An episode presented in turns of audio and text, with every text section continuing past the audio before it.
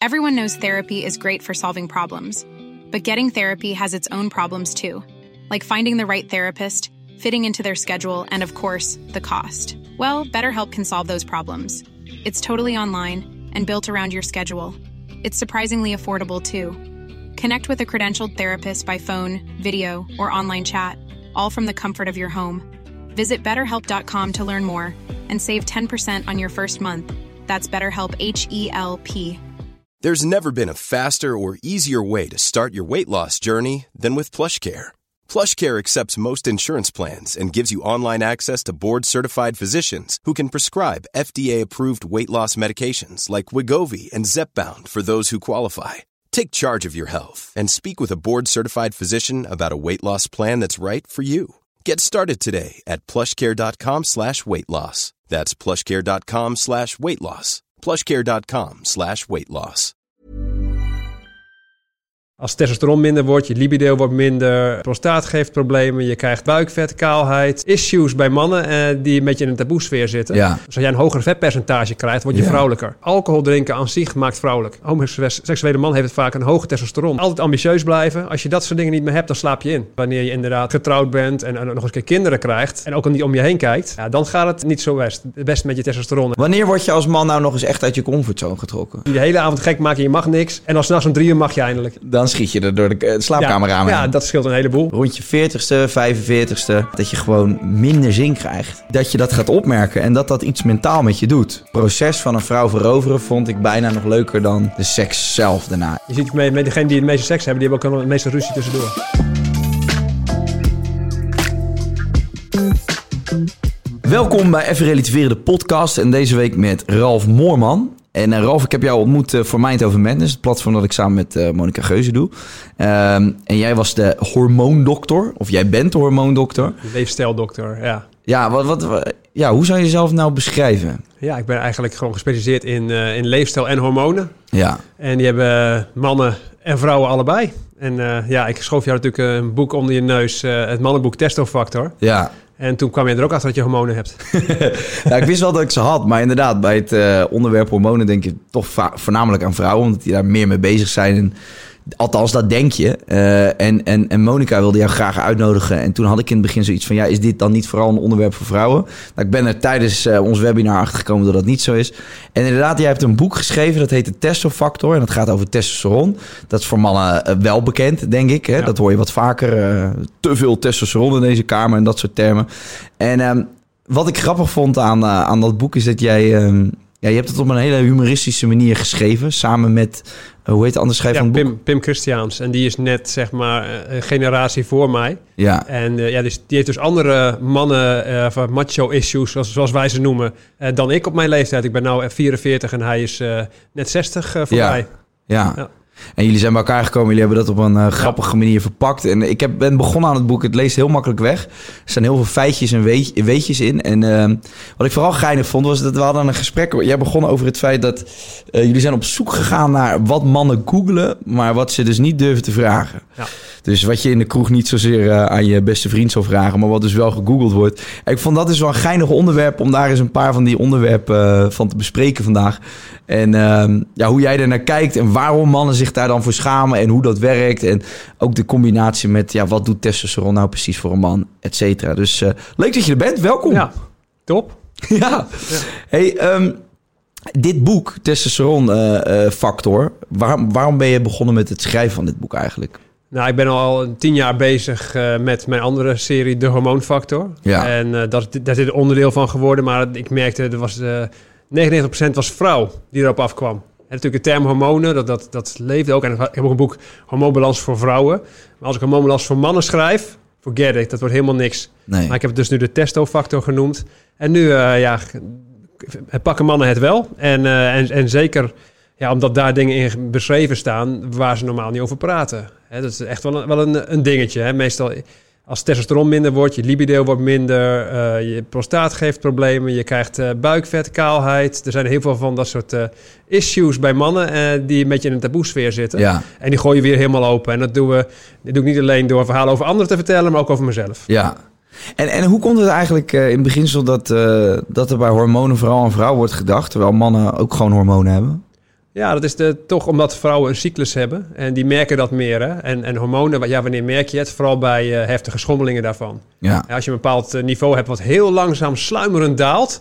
dan let je daar niet zo erg op. En bij mannen is dat zo dat ze ja, een groot deel van hun leven...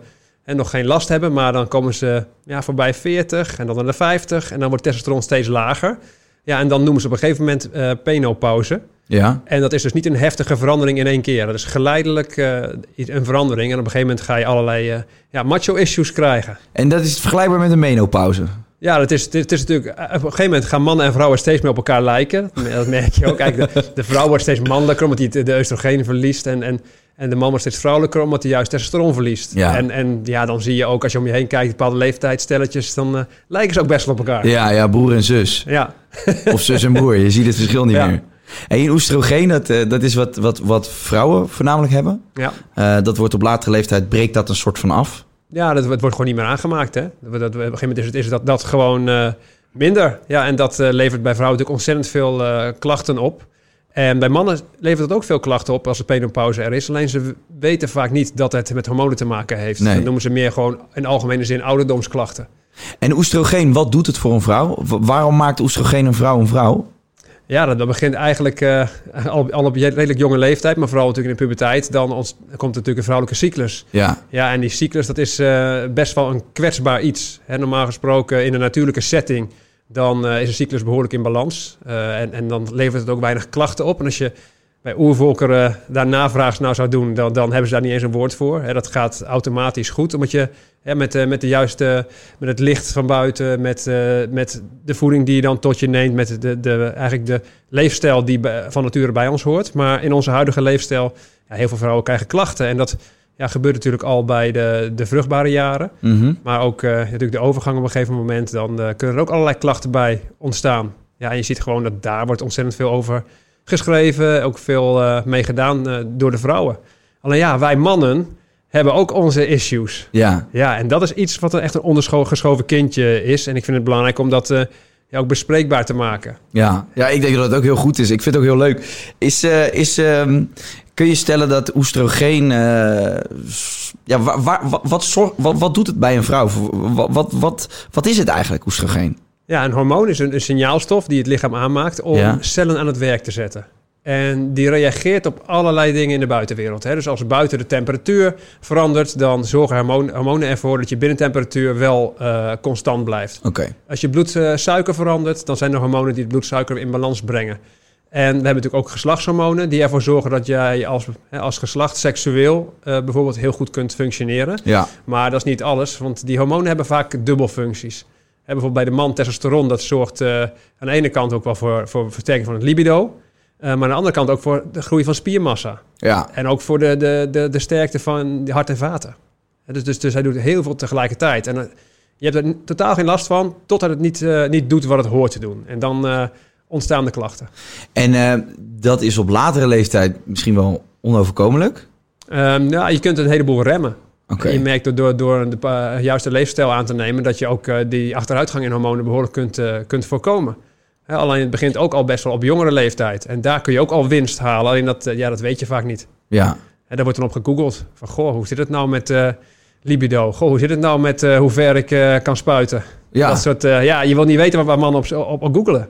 En dat, dus ja, laten we inderdaad, uh, laten we het vandaag vooral richten op de mannen. Daar gaat je boek ook over. En uh, het is wel grappig dat ik denk dat vrouwen automatisch daar makkelijker over praten met elkaar dan dat mannen dat doen. Ja, ja, maar mannen is het toch allemaal een beetje met een, met een dolletje en met een lachje. En, um, oestrogeen, dat, uh, dat hebben vrouwen. Dat neemt op latere leeftijd af. Dat ja. zorgt voor problemen. Het uh, kan ook in jongere, op jongere leeftijd al voor problemen zorgen als dat afneemt. Ja. En bij mannen gaat het dan voornamelijk over testosteron. Nou, wij hebben eigenlijk allemaal dezelfde hormonen, mannen en vrouwen. Want Alleen... vrouwen hebben ook testosteron. Uh, ja, en mannen okay. hebben ook oestrogeen. En dat is net even een andere verhouding. Alleen, ja. ja, je wil die verhouding wel goed houden. Hè? Dus als je relatief veel oestrogeen aan gaat maken... en testosteron die gaat op een gegeven moment wegvallen... ja, dat kan het ook voor, voor lichte vrouwelijke borstvorming zorgen... en dat soort dingen. Ja, dus, maar uh, hoe... Want ik wil het even, voordat we daar wat dieper in gaan... wil ik het inderdaad even een soort van goed snappen. En ik denk dat er wel meer mensen zitten kijken die denken van... oké, okay, hoe zit dat precies? Hoe kan je dan als man meer oestrogeen opwekken of krijgen? Of hoe, hoe, hoe gebeurt dat? Wat is dat proces dan? Nou, er wordt op meerdere plaatsen gemaakt in, in het lichaam. En Ja. de, de teelbal maakt het, eh oestrogeen, de bijnier maakt het. Maar bij de man is het vooral een issue, eh, dat, dat het vetweefsel maakt het ook. Dus als jij een hoger vetpercentage krijgt, word je Ja. vrouwelijker. Oké. Ja, dus daar, dat, dat, dat zijn allemaal eh, dingen in leefstijl. Hè. Maar Dat vrouwelijker als in hoe je eruit gaat zien of ook in gedrag? Want tot, Nou, eh, waar, waar heeft heeft- dat allemaal invloed op? heeft met alles te maken. Dus als je, als je echt een hoog vetpercentage krijgt, dat noemen we de metabool syndroom, echt flink overgewicht, ja, dan, dan gaat oestrogeen toch wel een beetje de overhand nemen. Kan het zijn dat je ook niet alleen vetweefsel op je borst krijgt, maar ook wat klierweefsel. Eh, je libido kan daar minder door worden. Ja, goed, er zijn heel veel eh, dingen aan gerelateerd. Dus dat zijn allemaal, dat is al een ding wat je wil voorkomen.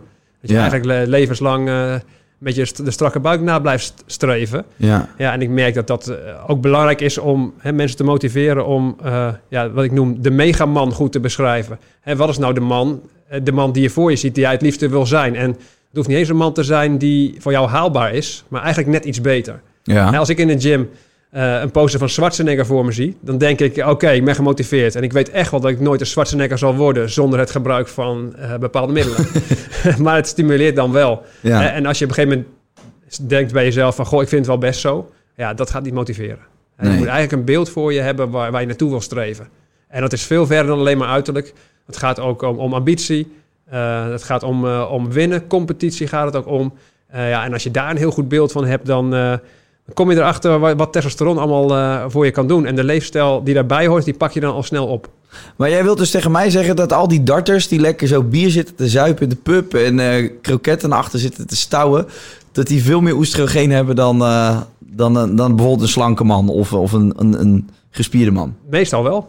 Hè, natuurlijk, het is, het is zo, een hoog vetpercentage zorgt daarvoor, voor meer oestrogeen. Maar ook alcohol drinken aan zich maakt vrouwelijk. Oké, nou dan dus- heb ik een probleem. Nou, ja, vrijdag en zaterdag weer. en als je nog geen probleem hebt, dan krijg je het. Ja, Als je ermee doorgaat. maar dat maakt vrouwen. Maar er zijn nog heel veel mannen die gewoon bijvoorbeeld heel veel drinken of overgewicht hebben. En Ja. waarvan je niet op het eerste oog zou zeggen van wat kom jij vrouwelijk over? Nee, klopt. Maar goed, de vraag is ook, hè, als je je bloed gaat doormeten... je kunt ook niet altijd zien eh, aan het gedrag... hoe het met de testosteron eh, gesteld is. Nee, dat ligt ingewikkelder. Het ligt veel ingewikkelder. Ja. Het is ook zo dat heel veel mannen met laag testosteron... juist een compensatie eh, doen... door zich juist heel mannelijk te gedragen. Terwijl ze eigenlijk het niet zijn. Oké, maar dat voelen ze dan, dat ze moeten overcompenseren. Ja, dat is ook de vraag van hè, die man die, die op het laatste moment nog wel invoegen daar, die met die auto ertussen duwt, dat kan, ja, dat kan best een man met laag testosteron zijn. Ja, is dat echt? Kun je dat in dat soort situaties ervan Ja, het, aflezen? het is heel grappig. En soms heb ik ook wel eens eh, ja, de, de, de vraag eh, homoseksuele mannen versus eh, mannen die, die, die heteroseksueel zijn. ja. Ik heb regelmatig testen gedaan, ook veel, veel begeleid. En een homoseksuele man heeft vaak een hoge testosteron. Want ja, als je eh, in die wereld zie je dat met meer partners dingen doen, is goed voor testosteron. ja? En ook ja, monogamie is killing voor testosteron. Ik kan me daar wel wat bij voorstellen. Ja. Ik denk als jij als, eh, als man vrijgezel bent en je staat eh, in de bloei van je leven en je bent met veel vrouwen, dat dat wel iets doet. Dat, Ja. voel, dat, voel, je, dat voel je aan alles. En je, je soort van je levenslust, je, je ego, je voelt je gezien, je voelt je gewaardeerd. Je, je ik denk, ja, dan ga je automatisch rechtop lopen. Is ook zo. Dus Ja, jij zegt bij homoseksuelen, die eh, wisselen vaker van partner over het ja, algemeen. degene die dat doen. Hè, en dat Ja. of je nou homo bent of hetero, je ziet gewoon dat, dat die leefstijl ja, de Ja. testosteron dan weer verhoogt. En, en dat- ja, dus dat kun je ook niet daaraan relateren. En, En stel- goed, wat je zegt trouwens, je zegt eh rechtop lopen bij vrouwen. Überhaupt rechtop lopen kan je testosteron al la- laten stijgen. Ja, Dus eh, dat is ook al verstandig om te doen. dat heb ik dus in je boek gelezen, ja. Ja. En ik kan me daar, maar grappig wat dat proces dan is. Want eh, ik dacht eigenlijk bij dat soort dingen dat dat vooral mentaal was. Dus ik kan me goed voorstellen dat als jij ehm, veel vrouwelijke bedpartners hebt en ehm, ja, je, je, je loopt rechtop en je sport, dat dat gewoon mentaal iets met je doet. Dat je gewoon een soort alfamannetje voelt. Ja, daar heb, daar heb je absoluut een, een thema. Ja. En eigenlijk, hè, bedoel, eh, de vraag is hè, welke basisbehoeftes liggen onder hè, die meerdere vrouwen om je heen. Dat is natuurlijk eh, waardering, bevestiging, eh, hè, dat soort dingen Ja. zijn heel belangrijk. En ik heb ook een hoofdstuk dat gaat over klim naar de top van de apenrots. Ja, En dat gaat ook niet alleen maar over de grootste auto hebben en dat soort dingen. Dat gaat echt om basisbehoeftes. En je merkt ook de leidende aap, die heeft ook de meeste sociale contacten, hè, de meeste, meeste eh, ja, vervulling om zich heen. ja, En dat gaat ja, dat is veel verder dan status. ja. En het is voor iedereen goed om dat na te streven. Hè, veel sociale contacten om je heen. Ehm, zorgen, eh, altijd ambitieus blijven. Als je dat soort dingen niet meer hebt, dan slaap je in. En dat testosteron slaapt dan ook in.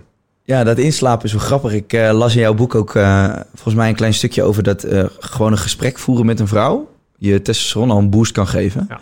Dus dat je, als je gewoon een, eh, ja, een vrouw hebt die naar je glimlacht en je hebt even een leuk gesprek en er wordt twee keer om je gelachen, dat je dan direct een soort van boost krijgt in je testosteron. Ja, dus dat is iets wat je altijd moet blijven doen. Hè? Onderzoeken laten ook zien dat wanneer je inderdaad eh, getrouwd bent en, en nog eens een keer kinderen krijgt en ook al niet om je heen kijkt, ja, dan gaat het eh, niet zo best, best met je testosteron. En dat zie je vaak ook. Ja, ja, ja, dat klopt. ja. Maar goed, eh dan ben je nu. Ik, ik heb bijvoorbeeld ook een relatie. Ik ben hartstikke gelukkig nu. Misschien zitten er ja, eh, ik ook. gasten te luisteren die zeggen van... joh, ik ben ook hartstikke gelukkig. Ik wil oud worden samen met mijn vriendin. Hoe houden wij dan alsnog ons Ja, maar je testosteron hoeft, je, hoeft, peil? je hoeft toch niet vreemd te gaan? Je kunt toch ook gewoon flirten? Op die manier. Ja, ja dat, maar jij bedoelt met inslapen gewoon... blijf wel gewoon man. Blijf geïnteresseerd en ja. speel het spel. Ja, In ieder geval. Ja, en ben, ben daar eerlijk over. ja.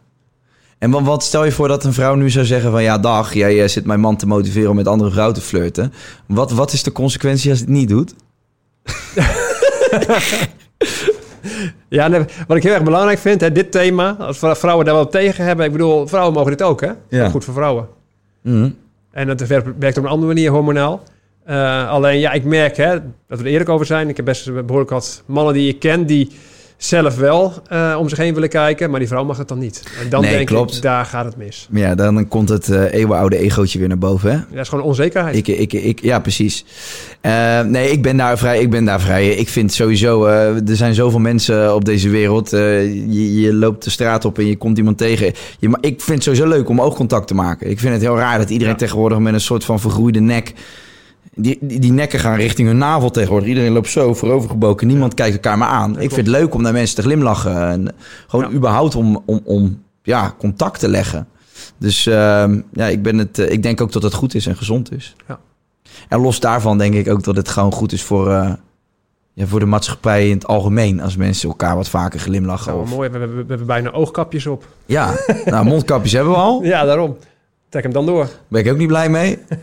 En dan dadelijk ook nog oogkappen. Zou het zijn. Hey, ehm, super grappig. Testosteron. Iets wat mannen allemaal dus wel kennen. Maar ik denk dat weinig mannen echt een beetje doorhebben en begrijpen hoe het werkt.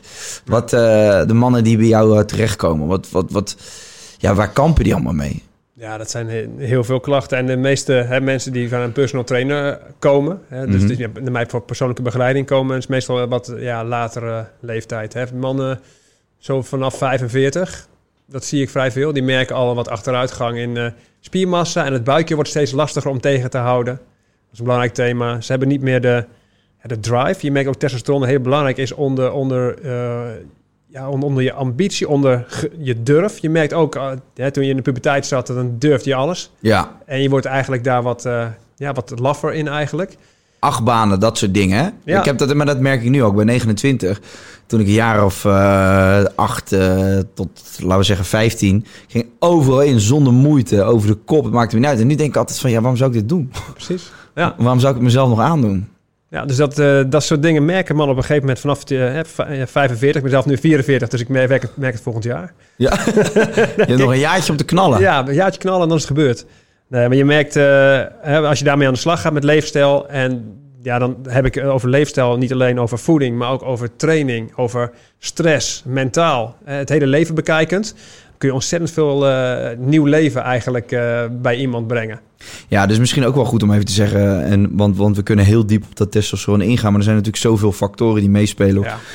Je kunt het op zoveel manieren bevorderen of verslechteren. Maar dat zit hem dus in voeding, in sport.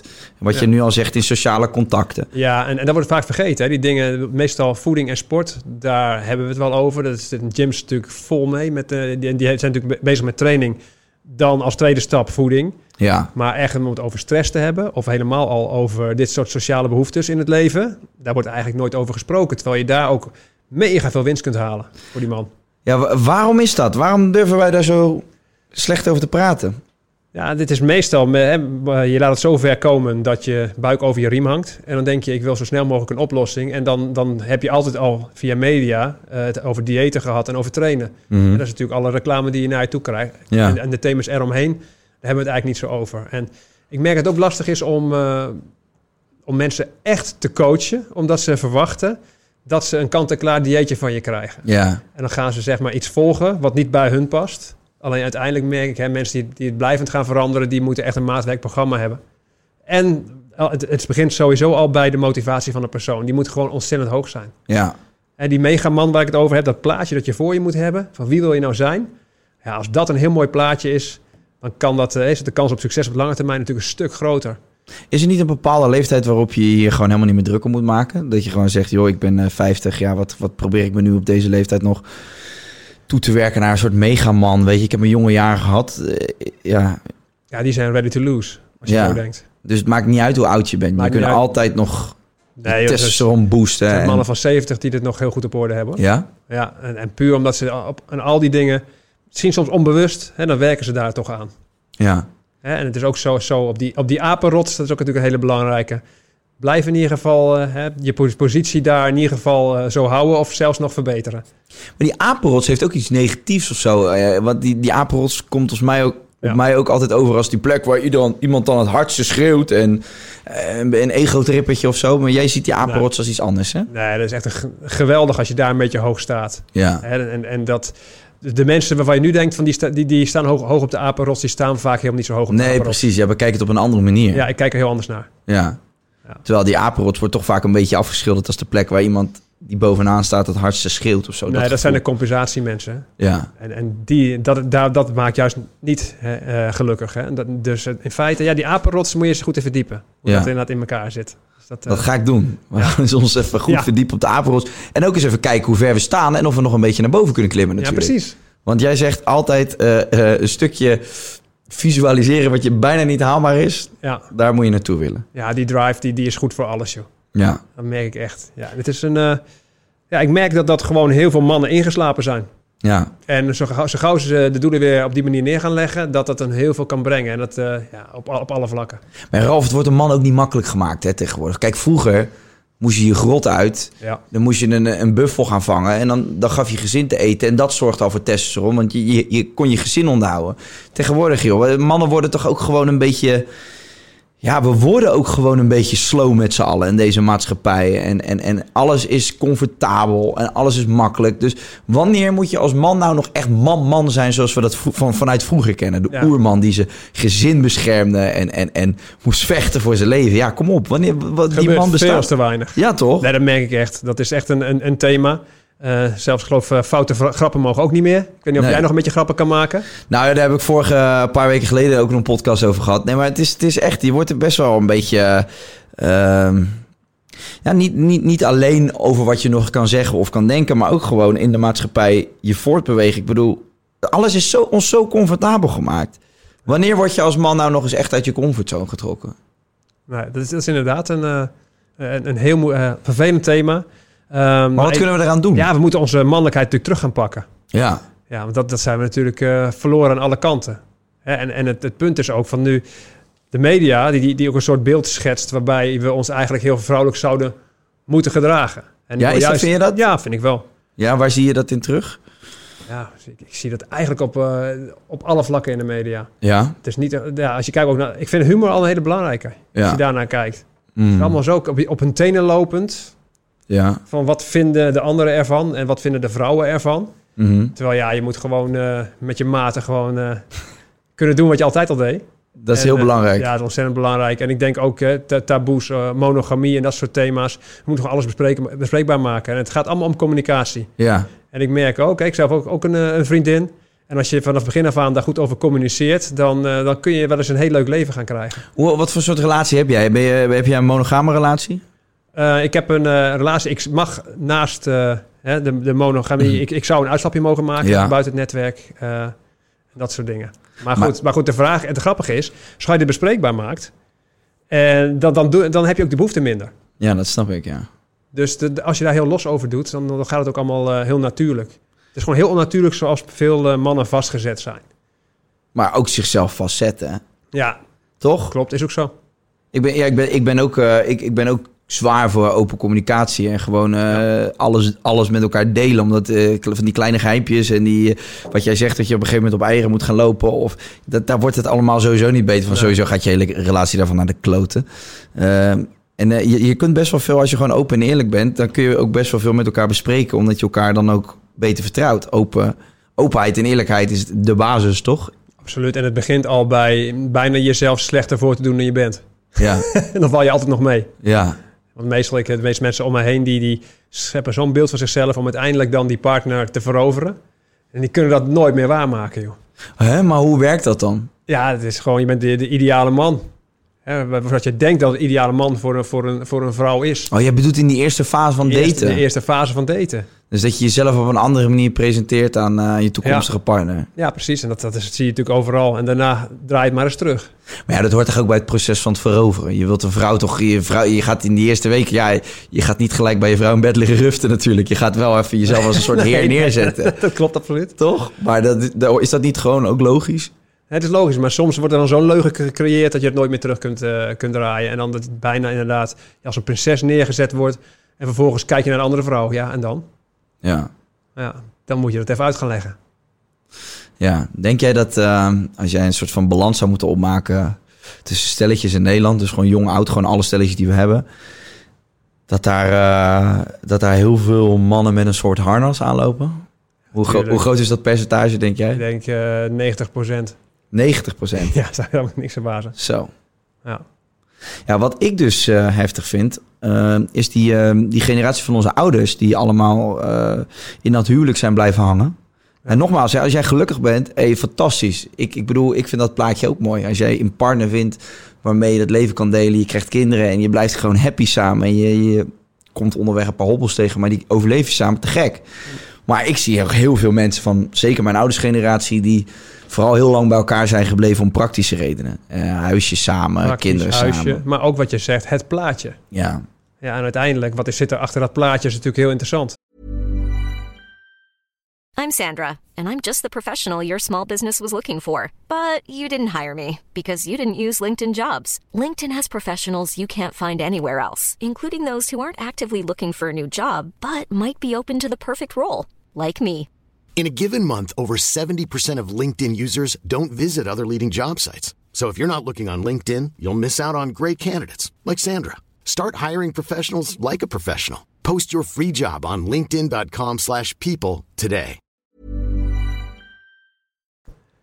En ik denk ook dat, eh, dat er veel eh, ja, mannen ingeslapen zijn, eh, inderdaad, wat, dat- wat dat betreft, die dat niet hoeven te zijn. nee. En het is ook een stuk beter voor hun gezondheid als ze die, die vrijheid wat meer pakken. En ik denk dat het ook beter is voor de relatie. Ja. Ja, bizar. Ik denk, ik denk dat heel veel ehm, mensen in een relatie überhaupt gewoon niet eens meer echt voor hun eigen geluk durven te kiezen. Dus dat zou al heel lang gewoon zich zeg maar helemaal conformeren naar hun partner en de situatie zoals die is. Ja. En daarmee op een gegeven moment ook gewoon vrede hebben, omdat ze een soort van afgestompt zijn. Maar pas weer gaan leven op het moment dat ze weer een keer op een andere manier geprikkeld worden. En dat is eigenlijk zo zonde. Ook dat is niet, geldt niet eens alleen voor, voor een man, maar ook voor een vrouw. Ja, de, de term, eh, de, eh, ik vind het wel best zo, is gewoon eh, wat dat betreft erg lastig. Als je dat inderdaad denkt, ik vind het wel best zo, maak weer een mooi plaatje waar je naartoe kunt werken. Ja, Hè, weer weer omhoog, daar willen wij heen. Maar de, de, ik vind het wel best zo. Mannen, 90% ongeveer, zeg jij in Ja. Nederland. ja, echt. En wat zou je tegen die mannen willen zeggen dan? Als die, stel je voor dat die luisteren. Stel je voor dat er nu iemand thuis zit die denkt... ja, ik zit ook al 15 jaar of wel 5 jaar in een... eh, Nou, gewoon, wie, wie zou je willen zijn en, en, en ben je dat nu? ja, Ja, en dat is heel breed. Niet alleen hoe je eruit ziet, maar ook eh, hoe ziet jouw leven eruit. Ja, en als je dan daar eerlijk naar durft te kijken, dan eh, kun je misschien weer gemotiveerd raken. Mm. Alleen het kijken zelf, dat gebeurt eh, meestal niet. ik denk dat voor mensen ook lastig is. Ook, eh, iets als werk bijvoorbeeld. Ja, als je het nou hebt over mannelijk werk. Ik bedoel, ik denk dat je op heel veel plekken niet echt... eh, nou ja, zeg maar... eh testosteron bevorderend werk kan doen, toch? Ik Nee. bedoel, ja, als je de hele dag een beetje achter die computertje zit en je, je zit voorovergebogen, ja, dat is ook niet echt een plek waar je in je kracht komt te staan. Dus ik denk dat ook. eh, ik- hoe zie jij die relatie eh, tot, tot met, tussen werk en testosteron? Nou, je hebt natuurlijk bepaalde eh, basisbehoeftes en die, die, sommige mensen die vervullen dat op hun werk en anderen buiten hun werk. Alleen als je ze maar ergens pakt. Ja, Hè, dus als je achter de computer zit, zorg dat jij dingen die je daar mist buiten je werk gaat pakken. ja, En dan in principe kun je dan nog steeds in balans zijn. ja. Maar zorg wel dat je het op een bepaalde manier compenseert dan. Ja, maar het kan ook zijn als je, dat je geweldige dingen doet achter die computer, waarbij mensen jou heel erg waarderen en heel erg eh, respecteren en dat je aan het winnen bent en dat je Ja, tuurlijk. Dat is ook erkenning zo. krijgt. Ja. Ja, dat kan natuurlijk wel. Dat, dat kun je niet zien bij, bij degene die achter die computer zit. Nee. Ja. Maar zorg in ieder geval dat je het ergens vandaan haalt. Ja. Ja. Hey, laten we eens gaan eh, kijken. Je hebt onderzoek gedaan en eh, ik vond dit eh, super grappig om eens te bespreken. Ehm, hoe, hoe, hoe, je bent op zoek gegaan naar Google-termen, zoektermen bedoel ik, van, van eh, mannen over, eh, over dingen waar ze misschien wel onzeker over zijn of zich voor schamen. Ja, dat zijn, zijn dingen, dat, dat houden wij natuurlijk bij. Hè. Natuurlijk, dus het is belangrijk dat je ook een beetje gevo- gevonden wordt op Google. Dat je een soort van fuik hebt naar, je- naar, je, naar je producten toe. Mhm. Nou ja, goed, als, als je op mannen, bij mannen gaat kijken, dan, eh, ja, dan kom je natuurlijk bij de macho issues, zoals ik ze noem. En dan hebben we in dit boek eh, 23 eh, uitgewerkt. Ja, Maar, ik vind het nu al leuk. maar echt van die opvallende dingen inderdaad. Ik heb, ik heb hier één bladzijde, die liet ik jou meteen zien. Dat is bladzijde 188 in dit boek. En die is ook in de media al flink rondgegaan. Dat is gewoon een simpel plaatje van de gemiddelde penis. Ja, En, hoe eh, lang die zou moeten zijn. Ja, en je kunt dus, je- dus je penis in een erectiele toestand op het boek leggen. Heb je hem op dit boek gelegd? is de Nee, nieuwe versie? Nee, dit, dit is een eh, nieuwe. Heb ik net uit, uit de doos gepakt. Ja. Nee, dus dat de vraag. Want de bibliotheek, bibliotheek wil het ook inkopen. Hè? Dus Ja. Kijken hoe ze dat gaan doen. eh plastificeren of zo. Of een uitklappagina. Oh man, je moet er eigenlijk Ja, een keer een klodder Mario opleggen of zo. ja, precies. Nee, maar dat is bijvoorbeeld iets. Dat wordt op gegoogeld. En mannen die, eh, die, ik weet niet hoe het bij jou zit, maar die kijken me- meestal porno. Ja. Ja, en dan eh, ja, heb je het over slaghouten van eh 20 centimeter plus. En dan kom je er hier achter als je hem erop legt, gewoon ja, dat de ge- gemiddelde lengte 13,12 is. En de omtrek eh, 11,66 centimeter. En Hoe dan- oud denk jij dat mensen gemiddeld zijn, jongens, dat ze beginnen met porno kijken? Ja, dat weet ik eigenlijk niet. 13, 14? Joh, zo? ik, ik zat nog... eh, ik was gewoon man, ik was bezorger van, eh, van een of ander eh, magazinebedrijf. Ja. En daar was af en toe de Playboy, die zat helemaal eh, ingepakt. En ik wist Ja. een manier om het ding eruit te halen zonder... Ja, ja. dat was die tijd. Ik, en ik, ik heb hem nog afgetrokken op platenhoezen, omdat er Ja, een bepaalde precies. zangeres op stond. ja. Of de Veronica-gids. Moet je nagaan wat ellende dat was. Ik ben nu 44. Tegenwoordig, die jongeren die gaan gewoon met een paar klikken naar de meest perfecte... Ja, maar ja, jullie, of jullie, ju- jullie oudere generatie, zoveel verschillen nou ook weer niet, maar jullie konden je fantasie nog gebruiken. En dat is tegenwoordig Dat natuurlijk is ook weg. weer, weer het nadeel, inderdaad. Maar goed, dus als jij, eh, stel je voor, je bent eh ja, 14, 15, je, je begint met porno kijken. En je ziet inderdaad allemaal zulke slagwapens. Die, die, die pornoacteurs hebben allemaal, allemaal regenpijpen bij zich. En dan zit je daar naar te kijken. En vervolgens denk jij, dat is de norm. Dat is wat er gebeurt. Ja, dat denken er heel veel. En Ja. ja. vrijwel, ja, er is bijna geen man die denkt eh, van ik ben, eh, ik ben normaal. Nee. Heel veel denken, die zijn net kleiner. Dan kijk je om je heen. Heb je nog eens een keer een optische vertekening. Als je de penis van een ander ziet verschijnen van boven, dat hij weer anders ziet dan, dan wanneer jij hem eh, recht van boven Ja, ziet. is dat zo? Ja, dat is ook een verschil. Je ziet hem Dus bij eigenlijk als je staat te douchen eh, Ja. op, op de voetbalclub, denk je altijd dat je de kleinste leuter hebt. ander- Ja, is dat zo? Ja, ja, dus daar begint het al. En dan noem wordt- je een optisch, Ja, gewoon een optische vertekening. optische vertekening? Ja, net hoe je kijkt naar je eigen en naar die van een ander. Zo. Als je onder die douche staat. Dus, dus daar begint het al. En porno en de voetbal, eh, de douche bij voetbal. Ja, Ja, en vervolgens leg je hem op dit boek. Dan denk je, oh, het valt allemaal wel mee. ja, ja. Ja, na zoveel jaar. Ja. Ellende. Maar, en, en dat is iets wat heel veel gegoogeld wordt. Want dit, dit- ik weet wel, dit begint op de lagere school. Ik weet nog vroeger, dan nam je een geodriehoek en dan Ja. ging je dat ding eens opmeten. Ja, klopt. Maar dit is denk ik de meest voorkomende... Ja, en natuurlijk, hè, porno begint het echt bij. Daar worden, mannen echt een beetje door, eh, onzeker doorgemaakt. En niet alleen door de grootte ervan, maar ook vervolgens van wat er allemaal uitkomt. In, je ejaculatie. Ja, dat is ook, een thema. Hè. Weinig ejaculeren, denken ook veel mannen dat er dan iets mis met hun is. Nou ja, goed, ejaculatie, dat gaat eigenlijk niet zozeer om, om meer of minder zaad. Dat gaat om, eh, om prostaatvocht. En daar heb je natuurlijk ook genetisch wel wat verschillen tussen. Maar met name wat natuurlijk van belang is, is eh, ja, hoe lang word je eigenlijk gek gemaakt? Ja, Hè, die opwinding die heel lang duurt. En hoe lang heb je niet afgetrokken of iets anders gedaan? ja, precies. Ja, daarmee kun Je je... zaadproductie is dan toch gewoon groter... als je op het moment dat je een paar dagen wacht... en, en je ja, het voorspel bewijzen van een uur duurt... ja, dan... en, ja, en vooral het voorspel is echt... eh, de hoeveelheid prostaatvocht die aangemaakt wordt. Dat, eh, ja, het beste kun je gewoon s smiddags al begi- beginnen met een, met een vrouw... en dan die de hele avond gek maken. Je mag niks. En dan s'nachts om drie uur mag je eindelijk. Dan schiet je er door de eh, slaapkamer aan. Ja, dat scheelt een heleboel. En heel veel mannen denken bij het ouder worden... volgende dag... En die krijgen op een gegeven moment een vaste relatie. En die denken, hé, hey, ik ga steeds minder produceren. Maar goed, dan hoef je dat allemaal niet meer te doen. Dan is het voorspel natuurlijk korter. Ja. Ja. Oké, dus daar wordt ook naar gekeken bij pornofilms. Dan zien een- Ja, en er wordt geld aan verdiend. Hè, allerlei Ja. producten die daarbij verkocht worden van een of andere Ponerstem, eh, st- ster Pieter Noord was vroeger de, de, de man op dat vlak. Ja. Dat was speciaal eh, pilletjes die je kon nemen met bepaalde mineralen die dan... En dan schoot je een vliegtuig uit de lucht als je goed zeg mikte. maar. Er werd wel heel water daarvan trouwens. Ja. Ja. Maar dit is iets, getest. als ik persoonlijk kijk, dit is iets waar ik me dus nooit echt druk om heb gemaakt. Nee, klopt, maar dat- dat- nooit echt dat- op heb gelet. Er zijn dus veel mannen die zich daar wel druk om maken. Of die in ieder geval dat graag willen. Maar wat kunnen we dan tegen die mannen zeggen die zich daar bijvoorbeeld nu onzeker over voelen? Dat het dus helemaal niet, dat het gewoon van een aantal factoren afhankelijk is. Dus voorspel. Ja, en, en natuurlijk in de porno-industrie zijn mannen voorgeselecteerd op de grootte en op, eh, Ja. soms op volume ook. Dat is ook niet altijd zo trouwens. Hè, dus daar, daar ben je al eh, een beetje door verpest. Eh, nou ja, goed. En dat, de, ja, vanaf dat thema kom je natuurlijk op het thema libido. ja. natuurlijk ook een, een eh, belangrijk is bij, bij veel mannen. En zeker mannen die boven de 50, dat het wel iets minder zou kunnen worden. En ja, er wordt ontzettend veel Viagra gebruikt, maar daar wordt ook niet echt over gesproken. Hè? Nou, ik zou je zeggen, ik heb het hier toevallig een keer met Kees van de Spek over gehad in de podcast. Ik heb ooit een keer eh, niet Viagra gebruikt, maar het Camara. Ja. En dat was volgens mij ook nog vloeibaar. Ik vond er echt, ik kreeg er koppijn van. ja, ik een koppijn. Ja, ik vond, het, ik vond er echt geen reet aan. Dus eh, als je mijn persoonlijke ervaring wil weten, mocht je kijken of luisteren. Ja, ik vond er geen reet aan. Maar goed, ik ben ook nog eh, in staat om hem zelf recht op te krijgen. Dus wellicht als je dadelijk echt moeite hebt, dat het gewoon een uitkomst is. Ehm, over dat libido gesproken.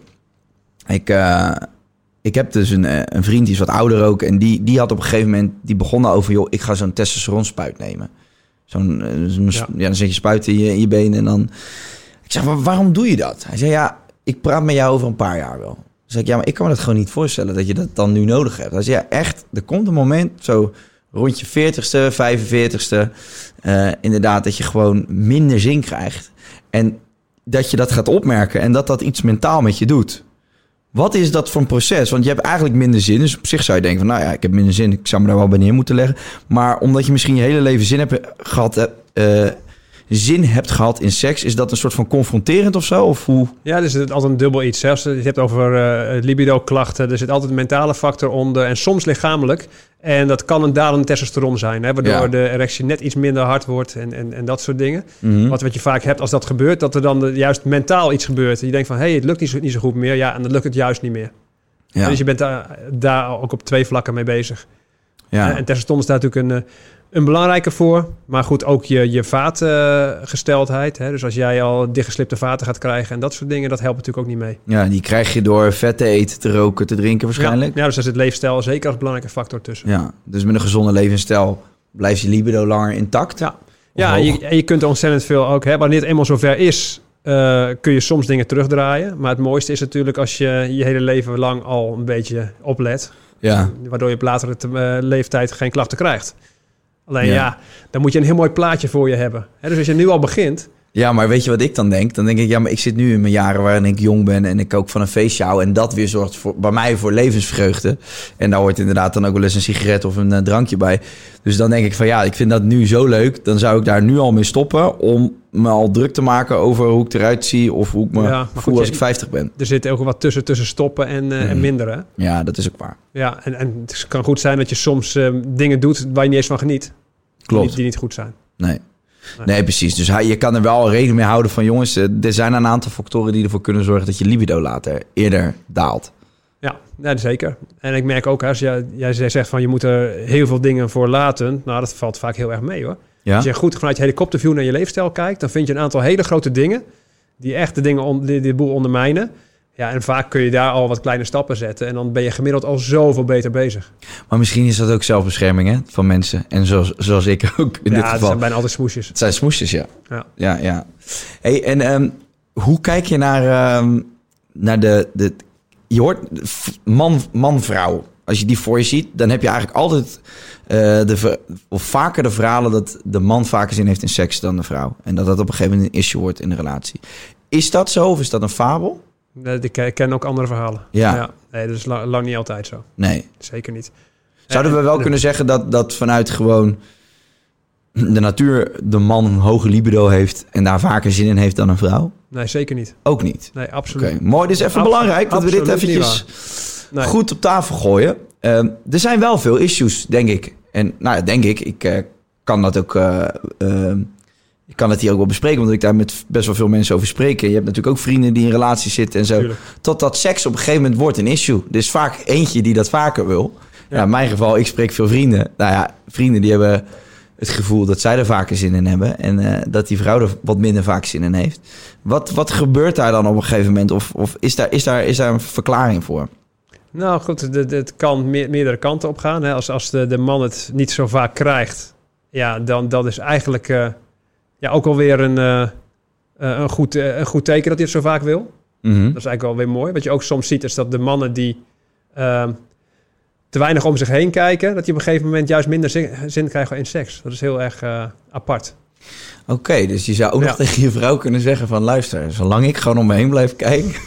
ja, ja. wil ik iedere avond op je springen. Nee, maar dat, dat zijn inderdaad dingen. Hè. En als daar, daar een soort van... Ja, als dat heel relaxed kan zijn, dan kan een, een man buiten eh, honger krijgen. Ja, En dat is natuurlijk, natuurlijk een thema aan, aan, die, aan die andere kant. Maar goed, degene die heel hongerig zijn, de vraag is ook hoe lang een relatie hebben zij? Als je 30 jaar, jaar lang een relatie hebt, ja goed, dan komt er heel veel andere dingen komen daarbij kijken natuurlijk. ja joh, je komt toch op een gegeven moment ook in een relatie... een beetje op een punt dat je eh, een soort... Ja, het is beetje bijna naar om te zeggen... maar dat je toch een beetje half broer en zus wordt. En als Ja. je dan al 30 jaar naast elkaar ligt... in hetzelfde bed... en je kent iedere, Ja. ieder haartje op elkaars lichaam... Ja, dan, dan komt er een moment dat je even gewoon niet meer helemaal eh, staat te stijgen van elkaar. Ja, je hoeft het niet meer te veroveren. Nee. En dat is natuurlijk ook een belangrijk iets bij de man. Ik heb dat heel erg gemerkt in mijn eigen uh, vrijgezellenperiode. Dat het, het ging eigenlijk bij mij alleen maar om het roven. Ja. En eh, het is misschien een beetje, eh, ja, klinkt misschien een beetje als een Neandertaler. Maar ik was gewoon eigenlijk het proces van een vrouw veroveren... vond ik bijna nog leuker dan de seks zelf daarna. Ik vond dat hele proces van gaat het me lukken? Dat vond ik tof. En dan was het inderdaad, dan was het gebeurd. En dan was ik, ja, was ik een soort van klaar ermee of zo. Dus je had hem eigenlijk al afge- afgevinkt voor de seks al. Ja, ik denk dat ik, ik heb. Nou ja, ik- nee, ja, nee dat, dat Ja. nog niet eens. Maar dat moest dan nog gebeuren. Maar wel als het dan gebeurd was. Ik, Ja. ik zou liegen. Ik zou echt hypocriet zijn als ik nu zou zeggen dat ik dat niet had. Dan liep ik echt het liefst om zeven uur 's ochtends de deur uit. En dan was het gebeurd. Goed, toen stond ik er ook gewoon zo in. Hè. Ik was vrijgezel en ik dacht ook, ik ga gewoon eh, het leven, ik ga het leven vieren. En ik wil deze fase van mijn leven gewoon meemaken. Maar ik kan me dat wel herinneren, dat dat proces van het veroveren van een vrouw... daar krijg je, dat, dat doet van alles met een man. Allemaal stofjes en je voelt je helemaal eh, het veentje dan. Als het je lukt. En dat is natuurlijk het eeuwenoude verhaal van mannen willen jagen. Ja, ja en de, de, de vraag is ook van als, je, als jij een eh, lange relatie hebt, als je echt maatjes wordt eh, ja, en je hebt nooit ruzie, Mhm. de vraag is ook, is dat, een, eh, is dat handig? Je ziet met, met degenen die het meeste seks hebben, die hebben ook het meeste ruzie tussendoor. Ja. Een soort van, dat moeten ze daarna weer veroveren. Goed maken. Ja. ja, goed, dat is ook toxic als je je hele, je hele leven heel veel Precies, ruzie dus daar zit ook ergens een balans. Hè, dat, dat spel. Eh, je moet ook geen borderline situatie krijgen. nou. Nee, nee, precies. Dat zie je wel, hè. Veel van die relaties ook waarin mensen heel toxic met elkaar omgaan. Althans, van de buitenwereld lijkt het toxic. Maar heel veel ruzie, heel intens. Ja, en vaak wel meer, meer seks dan dat, dat gebalanceerde stel, hoor, vaak. Ja, ja, dat geloof ik ook, ja. Maar dat is vaak ook de manier om dan weer eh, bij elkaar te komen. Goed Ja. maak seks. En dan, ja, gaan ze weer terug naar, eh, naar de ruzie. Ja. En dat zie je echt. Het is gewoon zo'n hartslagmeter. Zo tuk, tuk, tuk, tuk, tuk, tuk. Ja. Ja, dat lijkt mij toch ook niet eh, de meest gezonde situatie. Nee, dat heb ik ook wel eens meegemaakt. Het is nee, niet aan te raden. Je kunt er geen baan naast hebben, echt niet. Nee, ja, maar, ja, maar hoe, hoe kijk je naar... ik ik heb, vind het in relaties ook gewoon echt werken. Zeker als je dat 30, 40 jaar wil volhouden, toch? Ja, is, het- is het ook. Ja, je moet het inderdaad leuk houden voor, eh, voor elkaar. En interessant inderdaad. En ik denk dat, dat je dat nooit redt als je eh, 24 uur per dag op, eh, op elkaars lip gaat zitten. Nee. Je moet eh, elkaar af en toe vrij laten. En dan zie je elkaar weer. God, wat leuk. Ja. Tijd niet gezien. Ja. Ja, daar geloof ik echt in.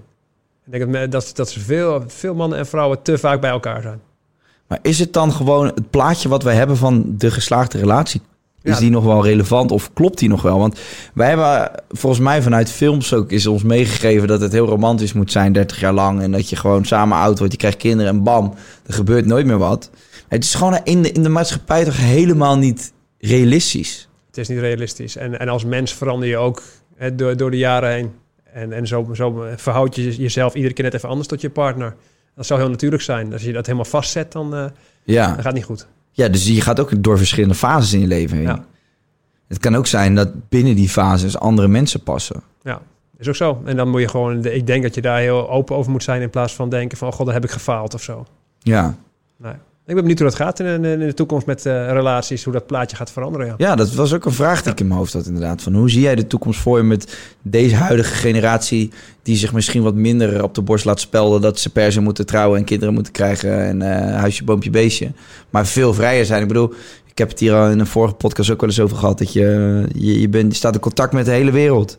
Je kunt als vrouw heel veel leuke mannen ontmoeten... als man heel veel leuke vrouwen. Eh, waarom zou je beperken dat die, die 15 vierkante meter in je dorp... Ja. Om, om de waarheid te vinden, toch? Ja, precies. Nee, ik denk dat dat echt een thema is. Hè? Dat, je echt eerlijk naar jezelf bent. En, en geen leugen gaat le- leven omdat het maatschappelijk eh, gewenst is. Ja. Ja. Weet je wat ik ook, eh, wat ik ook eh, suf vind van mannen?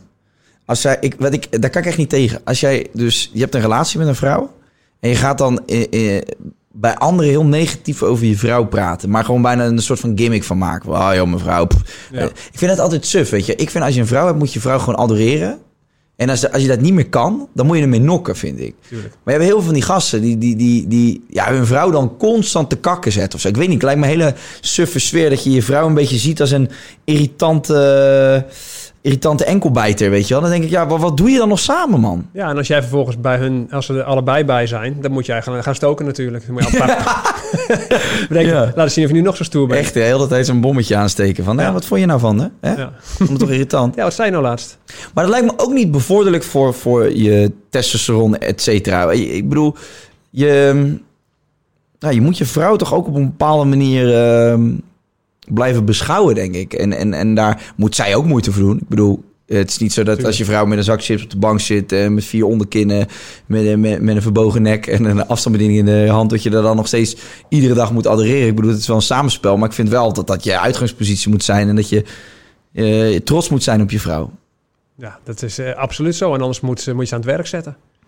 Ja. Nee, maar goed, uiteindelijk gaat het ook... Hè, bedoel, een vrouw moet... ze, hè, als de vrouw zelf ook niet gemotiveerd is... dan is het best oké om daar het gesprek eh, aan te gaan.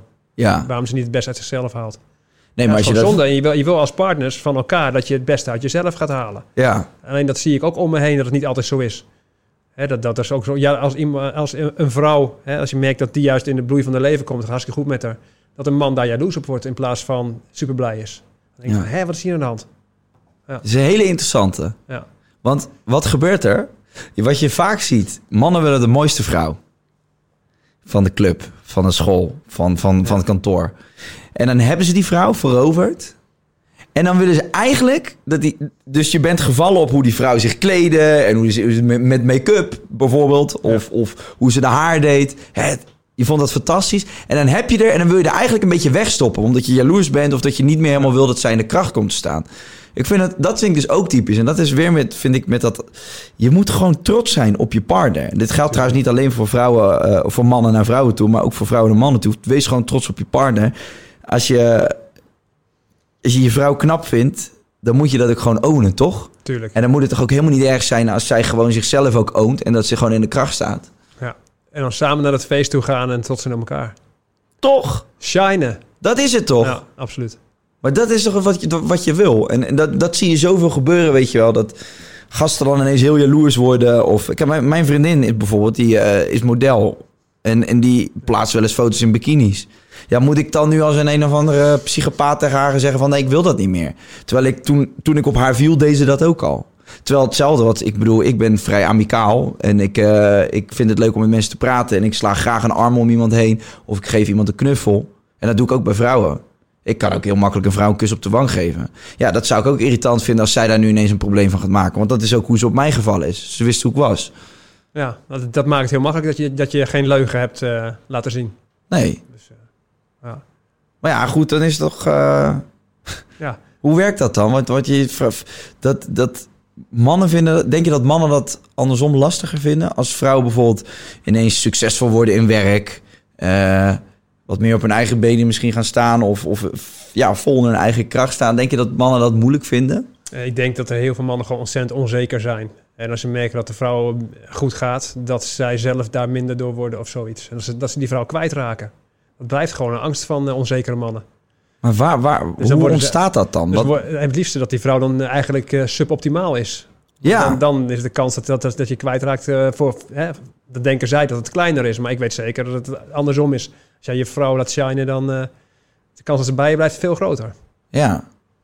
Dus ze zijn eigenlijk bang van, oké, ze, ze, ze worden... Ze zijn zo content met zichzelf dat die mannen dan bang worden dat die vrouwen eigenlijk gewoon zoiets hebben van, ik heb die man niet meer nodig. Ja. Ja. Zo zie je maar. Dit soort issues. Hè, we hebben het over eh, voeding en training in de gym. Goed, dit is ook belangrijk voor je testosteron en voor je gezondheid. Ja. Dus je moet je leven echt, echt vanuit de helikopterview bekijken. Eh, en eigenlijk naar dingen gaan kijken waar je normaal ja, in eerste instantie niet, zo, niet zou kijken. Hè, dus dat, dat merk ik, dat heb ik hè, mezelf ook als eh, eh, lifestyle coach, personal trainer begonnen. Toen was het ook wat beperkter. En ik merk nu dat ik dat, die helikopterview steeds groter maak. En Ja. dat ik nog veel meer resultaten haal. Ja. Eigenlijk op gezondheid. Ja. Ja, en zo, zo zul je zat mensen ke- kennen waarschijnlijk die ontzettend gezond eten, in de gym te vinden zijn vijf keer per week. En die eigenlijk niet zo gezond zijn, omdat de rest eromheen gewoon eh, niet goed is. Kun, je, kun je alles helemaal 100% goed hebben? Nee, Nee, maar, toch? maar het is wel mooi als je in ieder geval eh, er, er zicht op houdt. Ja. Ja, en dat je dus bewust van bent. Ja, want er is bijna niemand die gaat op zijn belangrijkste thema aan de slag. Het is bijna altijd dat je, je zoekt je makkelijkste thema. En mensen die in de gym te vinden zijn en, en heel erg met voeding bezig te zijn, dat is voor hun geen zwaar thema. Daar proberen ze alles mee op te lossen. Maar het stressthema bijvoorbeeld, of andere issues, die, die laten ze liggen. Ja. Ja, en het, eh, ja, je kunt niet een stressprobleem oplossen met andere voeding. Nee. Zo werkt het niet. Duidelijk, het is een eh, complex eh, proces. Ehm, ik vind het ook nog wel grappig om even te praten over wat vind jij van jaloezie? Ik denk dat dat ook een issue is in heel veel relaties. En dat sluit wel een beetje aan op waar we het net over hadden. Mannen die onzeker zijn, maar vrouwen kunnen ook Ja. ongelooflijk jaloers zijn. Dus wat dat betreft lijken we in die dingen ook wel weer veel op elkaar. Is ook killing, toch? Dus het is, het is eh, vreselijk, maar goed, het is allemaal het thema on- onzekerheid. Ja, en dat lijkt me ook niet makkelijk, en zeker in deze tijd. Ik bedoel, eh, ja, als je kijkt, eh, toen, toen ik zoveel jaar geleden bezig was, toen begon er kwam een keer hives op. Mm. Toen begon je al een beetje fotootjes van jezelf te delen. Toen gingen anderen dat ook doen. En toen hadden we nog geen niet echt filters en zo. Maar als je nu kijkt, ja, hoe, hoe onzeker moet je worden als Ja. je, als je naar, de, naar de Instagram gaat kijken. Maar me onzeker als in van je ziet, je ziet perfecte, de perfecte lichamen, knappe Ja. vrouwen, knappe mannen voorbij Alles. komen op Instagram, zoveel likes, die zoveel reacties en bla bla bla.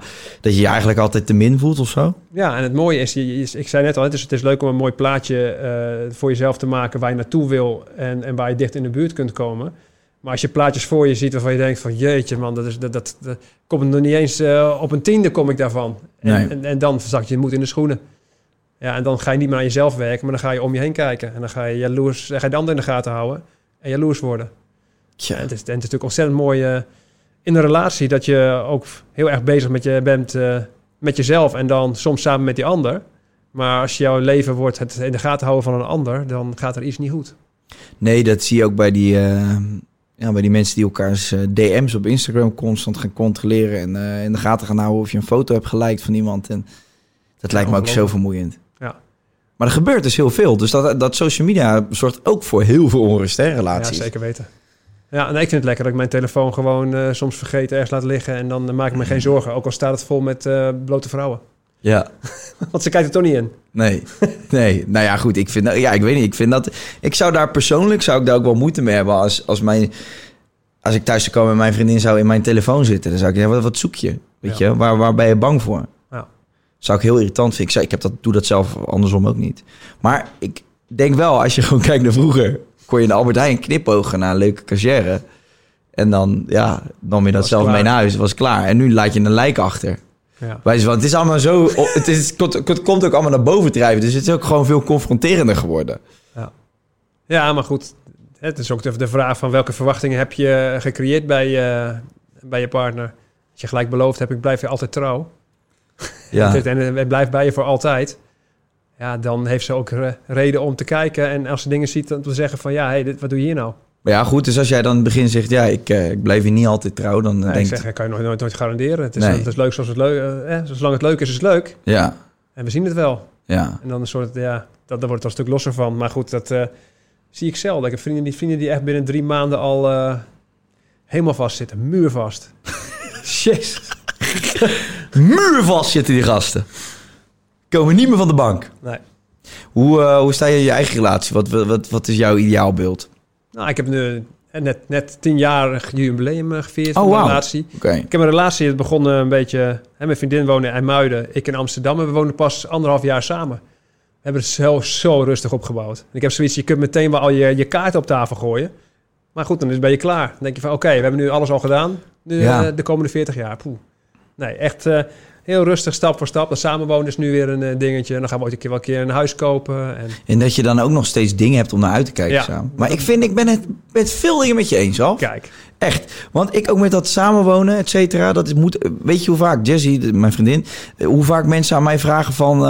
en, wonen jullie dan samen? Dan zeg ik nee. En dan wordt er gewoon eh, naar me gekeken alsof, alsof het niet goed met ons gaat. Terwijl wij heel bewust kiezen voor... Zij woont in Amsterdam, ik in Rotterdam. Ik wil niet naar Amsterdam, zij niet naar Rotterdam. Prima. Maar we pendelen gewoon heen en weer nu. Eh, en als wij ooit een huis gaan kopen, dan, dan weet ik niet eens of dat per se in Nederland is. Of misschien is het wel aan het buitenland. Hebben het, bij ons staat eigenlijk nog niks vast. En ik vind dat heel lekker. En Jess toevallig ook. Dus dat, nou ja, dat werkt dan goed, omdat we er hetzelfde in staan. Maar ik zie ook om me- om me heen inderdaad relaties van drie maanden eh, samen gaan wonen. Eentje die een huis verkoopt en dan ja, maar bij- dan, en dan is, dan is de vrouw al zwanger. ja, Onderhand. Dat heb ik ook inderdaad, eh, dat zie ik om me heen. ja. Jeetje, nou goed, de komende 20 jaar liggen al vast. ja, precies. Wat je zegt, ja. Ja, Je hebt eigenlijk, je schetst eigenlijk voor de komende 20 jaar al een heel groot gedeelte van je leven. En dan zullen mensen zeggen, ja, het stopt echt niet als je een kind hebt. Nee, gelukkig niet. nee. Je kan alsnog heel veel leuke dingen doen met een kind. Maar snel trouwen tussendoor. Eventjes, eh, ja. ja, je legt toch al, je plant toch al wortels voor, eh, voor, voor het verloop van je relatie in je leven. Met, met dat soort drastische beslissingen, toch? Kinderen krijgen, huizen Ja. kopen, hypotheek. Maar goed, de ene sneller dan de ander. En ik vind het fijn om ergens naartoe te leven iedere keer. Ja, Van die, van die rustige, lange termijnsdoelen. ja. Ja. Ja, nee, ik kan me daar goed, eh, ik kan me daar goed in vinden. Zullen we er nog eentje eh, doornemen? Heb je er nog één die, eh, die je opvallend vond? Want die op zich die van... Nou, wat wat heel erg grappig is, is eigenlijk... Hè, ik nog, want ik heb het boek samengeschreven met Pim Christiaans. En die, die is beg- begin 60. En die heeft zeg maar allerlei hormoontherapie op zichzelf uitgetest. ja, ik heb het gelezen, ja. Die heeft het allemaal toegediend. En dat is wel erg grappig om, om hem als soort proefkonijn te zien. Want als je ouder wordt, worden hormonen lager in gehalte. En hij heeft van allerlei smeersels, tabletten, pillen op zich, en, eh, en injecties op zichzelf toegediend. eh, om naar een jeugdiger niveau de hormonen te, krikken. En het was echt grappig dat hij met testosterontoediening op een gegeven moment... eh, wat ja, bijna weer puberaal gedrag had... en weer bepaalde ja, musklucht eh, in zijn zweet had. Ja, wat dat geinig, weer, Dus eh, dat werkt echt. En dat hij echt weer lef had dat zijn vrouw niet meer achterop eh, durfde bij hem op de scooter. Dat hij gewoon keihard aan het rijden hij was. was gewoon echt weer zoals vroeger eh, als kind bezig. ja, dus dat is echt, echt eh, geinig. Hè? Maar eh, een van de issues eh, van hem, eh, ja, voor mij ook wel een beetje, is eh, mannelijke kaalheid. Dat vind ik echt verschrikkelijk iets. Ja. En, ik, en ik heb zelf bij mij, ik heb eh, een flinke bos haar, maar aan de voorkant eh, ja, wordt het, is het iets dunner geworden. Ja, en je, je hebt allemaal beelden in je hoofd dat, dat ik die hele bos ga verliezen. ja, dat is wel een ding, hè. Haar, Ja. Haarlijnen en... eh, Echt, eh, als je kijkt, hè, er zijn van die forums op internet oh, wat over haar gaat en mannen. Zo, dat leeft als een malle. Ja, iedereen gaat ook naar Turkije voor die haarimplantaten Ja en, tegenwoordig. ja, en mannen zijn natuurlijk ontzettend eh, bang voor. En er zijn ook medicijnen die eigenlijk je mannelijkheid een klein beetje wegnemen. Die het, had die Pim Christians dan ook gebruikt. Mhm. En dat had hij heel veel jaren gebruikt. En vervolgens is hij daar mee gestopt, omdat het toch bijwerkingen kan hebben, ook op hersenniveau. Oké. En blijkt hij, de, de kans is heel groot als ze nu hebben, hebben hem onderzocht, dat hij waarschijnlijk helemaal niet kaal geworden was. Heeft hij al die jaren die dingen. Nee, echt? Ja, echt. Ja. Hij had er gewoon geen aanleg. genomen. Gewoon uit angst al die, die, die rotzooi in zijn lijf eh, geknald. En wat, hoe, hoe sta jij tegen? Want eigenlijk zo'n kunstmatig uh, testosteron uh, opkrikken. Hoe sta je daarin? Ja, dat, uh, ik, ik heb echt zoiets van, goh, als je echt een tekort hebt. Ik denk als ik uh, nou, vanaf mijn 50ste, misschien uh, 60, als die echt lager wordt, dan dus, ja, denk testosteron opkrikken, dat vind ik wel, eigenlijk wel een goed idee. Maar wat spuiten ze dan in je? Ja, het is eigenlijk een smeersel. En dat, dat kun je, hè, dat doe je bio-identieke testosteron. Gewoon de testosteron die je zelf aanmaakt, die smeer je op je huid. Ja. En dat komt dan heel langzaam in je bloed. En zo kun je eigenlijk het niveau hè, iedere dag uh, opkrikken naar. Maar waar, hoe je maak je testosteron dan? Waar hou je dat van? Hoe, hoe stop je dat in een smeersel? Waar wordt dat uitgehaald? Ja, dat wordt gewoon, uh, gewoon in, la, in een laboratorium gemaakt. Dat, kun, dat kun je voor allerlei basisgrondstoffen doen. En dus dat, dat is een heel chemisch verhaal. Alleen dus niet het, het, het, het, verhaal van de stierenballen die dan vermalen nee, worden? dat was, dat was vroeger. En Ja? nu maak je het gewoon na. En daar heb je gewoon, volgens mij heb je een beetje, een beetje een vetbron en soja voor nodig, geloof ik, om, om zoiets te gaan maken. Mm. Nou ja, goed, als je dat dan uh, eh, toedient, nou ja, dan merk je gewoon dat je weer wat jeugdigheid eh, eh, terugkrijgt. Ja. En, ik, en ik probeer het zelf het liefst met leefstijl te doen. En misschien heb ik het helemaal niet nodig, maar als het echt minder wordt, dan denk ik van, hé, hey, testosteron is toch een beetje wat leuk voor je leven. Ja, ja. Ja. Wat geinig. Ja. Ik, ik ga iedereen aanraden, sowieso de man om het boek te lezen. Het is de Testo-factor heet het. Het is heel grappig geschreven. Het is... Ja, het zijn eigenlijk allemaal kleine korte hoofdstukjes met eigenlijk wat meer feitjes. Ik vond het heel leuk. Oh, je kan ook een beetje bladeren. Je hoeft niet per se een soort van... eh, Nee, het is niet één, niet één volgorde. Nee. En eh, voor, eh, voor de vrouwen, want eh, hopelijk luisteren er toch ook vrouwen, Ja. eh, is de hormoonfactor een boek wat je hebt gemaakt. Ja, dat is een van de boeken. Dat is een hele serie. Ik heb wel eens meer heel veel boeken geschreven. En eh, ja, goed, ik heb ook een site en daar staan, eh staat ook vol met blogs. En je kunt ook eh, al eerst eens daar wat dingen gaan lezen. ja, En dan eh, ga je zelf een test doen, mailadres achterlaten. Ja. En dan kom je er niet meer uit. Ja, en, en eh, als, je, als je nog lifestyle coaching nodig hebt eh, rondom dit thema, maar het is dan veel, veel breder. Hè? Je, je, je kijkt naar voeding, naar sport.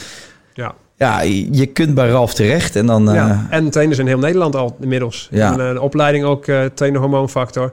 Dus ja, in tien jaar is het een behoorlijke eh, beweging geworden. Ja, leuk. Ja. Ik ga je heel erg bedanken voor je komst. We hebben een uurtje volgeluld, dus dat is hartstikke mooi. En. Ik, eh, ik zie je misschien snel. Voor de mensen, ehm, dat zeg ik eigenlijk nooit bij mijn podcast, maar laat ik daar ook maar eens gebruik maken.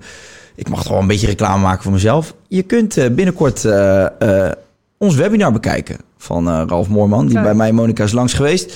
op mindovermadness.nl. Eh, en daar gaan we nog veel meer in op hormonen en, en, en, en testosteron. Dit was vooral eigenlijk een beetje gericht op mannen. Maar voor de vrouwen, ook daar eh, gaat het eh, ja, over hormonen van vrouwen. Want Monica zit erbij en die had nogal wat vragen. Ja. Dus eh, nee, het is ook een superleuke webinar geworden. Dus eh, mocht je er meer over willen weten, check hem zeker. En ik zou zeggen, dank u wel en tot de volgende keer. Doei doei!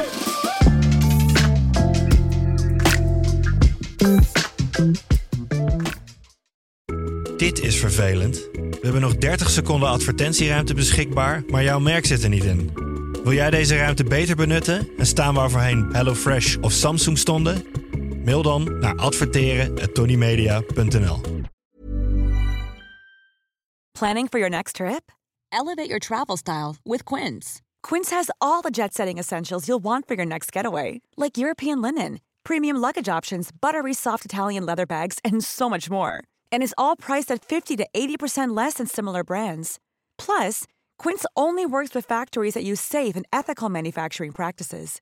Pack your bags with high-quality essentials you'll be wearing for vacations to come with Quince. Go to quince.com slash pack for free shipping and 365-day returns. Mom deserves the best, and there's no better place to shop for Mother's Day than Whole Foods Market. They're your destination for unbeatable savings, from premium gifts to show-stopping flowers and irresistible desserts. Start by saving 33% with Prime on all body care and candles. Then get a 15-stem bunch of tulips for just $9.99 each with Prime. Round out Mom's menu with festive rosé, irresistible berry chantilly cake, and more special treats. Come celebrate Mother's Day at Whole Foods Market.